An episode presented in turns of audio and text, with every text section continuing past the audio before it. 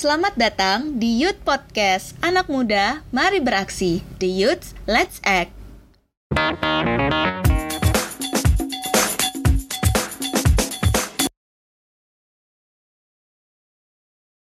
Hai semua, salam kenal.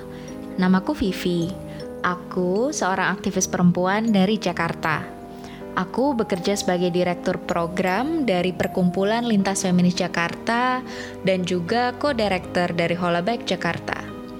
Sehari-hari aku bekerja dengan banyak sekali teman-teman perempuan korban kekerasan seksual.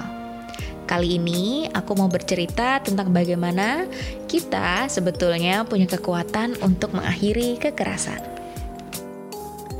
Teman-teman tahu nggak sih kalau kekerasan atau pelecehan seksual itu bentuknya nggak cuma fisik aja. Ada juga kekerasan yang bentuknya verbal, mental, ekonomi, atau digital.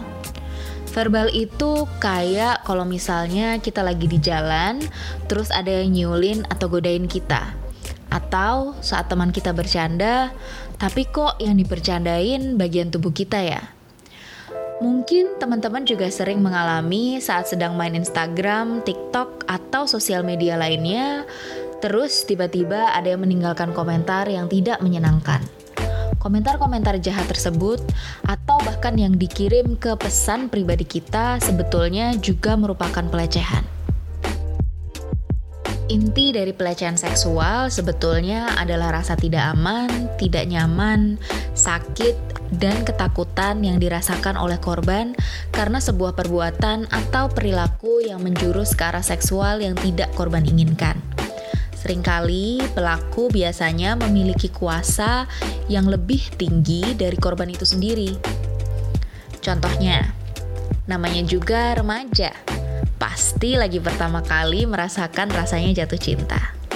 Kita lagi sayang-sayangnya, tiba-tiba pasangan kita bilang, Eh sayang, cium aku dong. Tapi sebetulnya kita nggak mau atau kita belum siap. Kita sudah mencoba untuk memberikan pengertian kepada pasangan kita. Nggak ah, aku malu. Lagian kan yang namanya sayang nggak perlu dibuktikan dengan cium. Tapi pasangan kita malah bales, ya kalau kamu nggak mau cium ya udah kita putus aja. Dengar gitu aku yakin sih kita pasti galau. Akhirnya karena kita terpaksa jadi ya kita melakukan hal yang kita tidak inginkan karena kita nggak ingin kehilangan pasangan kita. Sayangnya teman-teman, kalau pasangan kita melakukan hal tersebut, sebetulnya itu sudah termasuk pelecehan yang bentuknya mental karena kita dimanipulasi dan jadi merasa terpaksa untuk melakukan hal tersebut.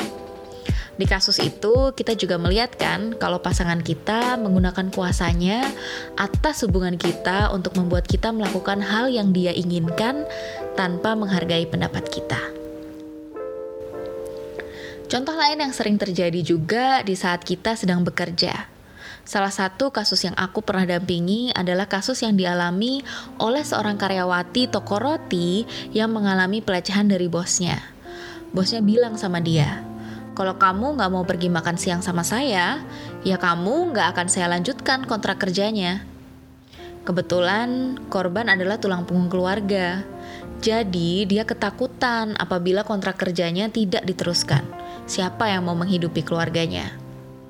Paksaan dan ancaman yang dilakukan di tempat kerja seperti ini yang berakibat pada pekerjaan dan penghasilan kita juga bisa dikategorikan sebagai kekerasan seksual yang berdampak pada ekonomi.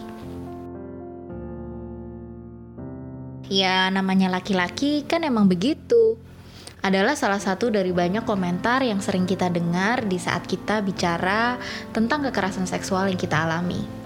Selain itu, kita juga sering sekali merasa malah disalahkan atas kejadian pelecehan yang kita alami dengan pertanyaan seperti Emang kamu pakai baju apa? Atau ucapan kayak salah sendiri, udah tahu perempuan tapi keluar rumah sendirian. Salah satu kasus yang aku tangani, korban sedang menggunakan jaket lebar panjang dengan tutup kepala saat ia mengalami pelecehan di dekat rumahnya.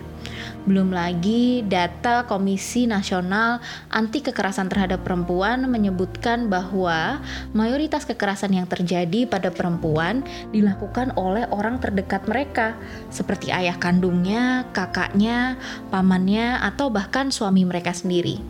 Menyedihkan ya, bahkan di rumah sendiri pun perempuan belum bisa menemukan ruang aman. Tapi teman-teman sadar nggak sih, komentar-komentar seperti itu sebetulnya malah memicu semakin banyaknya pelecehan terjadi.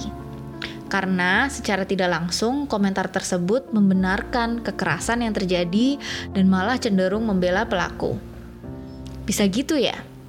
Coba deh kita inget-inget lagi masa kecil kita Pernah nggak saat kita ngadu ke orang dewasa, kalau ada anak laki-laki yang jailin atau silin kita, selalu dijawab dengan itu artinya dia suka sama kamu.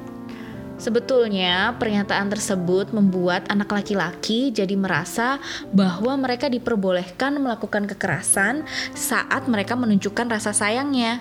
Sedangkan kita, teman-teman perempuan, jadi membenarkan hal tersebut dan mengaitkan kekerasan sebagai bukti rasa sayang. Padahal seharusnya saling menyayangi tidak dengan menyakiti kan? Nah, pembiasaan-pembiasaan seperti ini merupakan bagian dari apa yang kita sebut sebagai budaya kekerasan. Kita sebut budaya bukan berarti ini bagian dari budaya Indonesia, tapi karena sudah saking mengakarnya kekerasan dalam perilaku dan pikiran kita, maka dari itu melihat kekerasan sudah dianggap hal yang lumrah atau menjadi budaya. Terus, gimana caranya biar kita dapat menghentikan budaya kekerasan ini?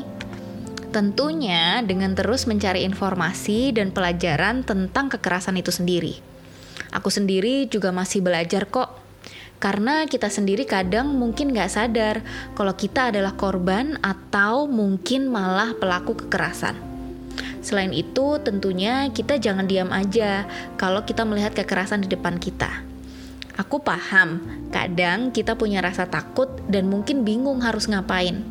Nah, kuncinya adalah teman-teman perhatikan kondisi sekitar, terus kita bisa pilih dari salah satu metode ini yang menurut teman-teman paling aman untuk dilakukan. Pertama, kita bisa secara langsung menegur pelaku. Bilang aja, hey, yang kamu lakukan itu nggak sopan, itu pelecehan. Tapi ingat, pastikan kamu dan korban ada dalam situasi aman. Tegur pelaku secara tegas, jelas, dan tidak berlama-lama. Langsung pergi setelah kamu menegur pelaku. Selain itu, kamu bisa juga mengalihkan perhatian korban ataupun pelaku dari situasi pelecehan. Aku sendiri pernah merasa terbantu banget saat dulu aku naik bis mau ke kampus. Ada seorang laki-laki udah nempel-nempel di belakangku. Terus ada ibu-ibu yang sedang duduk di depanku dan bilang, Mbak sini yuk duduk aja, saya udah mau sampai. Ternyata ibu itu tahu kalau laki-laki di belakangku hendak melakukan pelecehan kepadaku. Gak pernah aku merasa selega itu dalam hidupku. Dan selamanya aku berterima kasih kepada ibu itu yang sudah mau untuk tidak diam saja saat melihat pelecehan terjadi. Gadget yang teman-teman punya sebetulnya juga bisa loh menjadi senjata untuk menghentikan pelecehan. Punya kamera kan? Kita bisa membantu korban dengan merekam atau mengambil gambar saat pelecehan terjadi. Kalau bisa, pastikan juga lokasi dan waktu tercatat dengan baik di dokumentasi kamu. Kalau kamu mengalami pelecehan secara online, kamu juga bisa screenshot bentuk-bentuk pelecehan tersebut atau simpan alamat tautannya. Tapi ingat, kalau pelecehan itu bukan terjadi kepada kamu, kamu tidak punya hak untuk mengunggah di media sosial. Itu adalah hak korban. Jadi, yang kamu bisa lakukan adalah sampaikan pada korban bahwa kamu punya bukti atas pelecehan tersebut. Dokumentasi yang sudah kamu lakukan akan sangat berarti untuk dijadikan bukti bagi korban untuk melaporkan kejadian tersebut. Kalau kamu bingung harus apa, kamu juga bisa kok cari pertolongan orang lain untuk bisa membantu korban. Kalau bingung lembaga mana yang bisa membantu korban kekerasan, kamu bisa mencari di cari layanan.com dan cari deh di situ lembaga layanan yang sesuai dengan kebutuhan dan juga lokasi kamu. Yang terakhir, dan yang menurut aku malah paling penting, adalah untuk kita bisa menunjukkan sikap yang mendukung korban. Ini nih yang orang sering lupa. Kadang kita terlalu fokus mau diapain ya pelaku, tapi malah lupa sama korbannya. Sebatas kita duduk diam dan mendengarkan tanpa menghakimi, sudah membuat korban merasa sangat baik kok. Kadang memang korban hanya butuh teman untuk mendengarkan pengalamannya.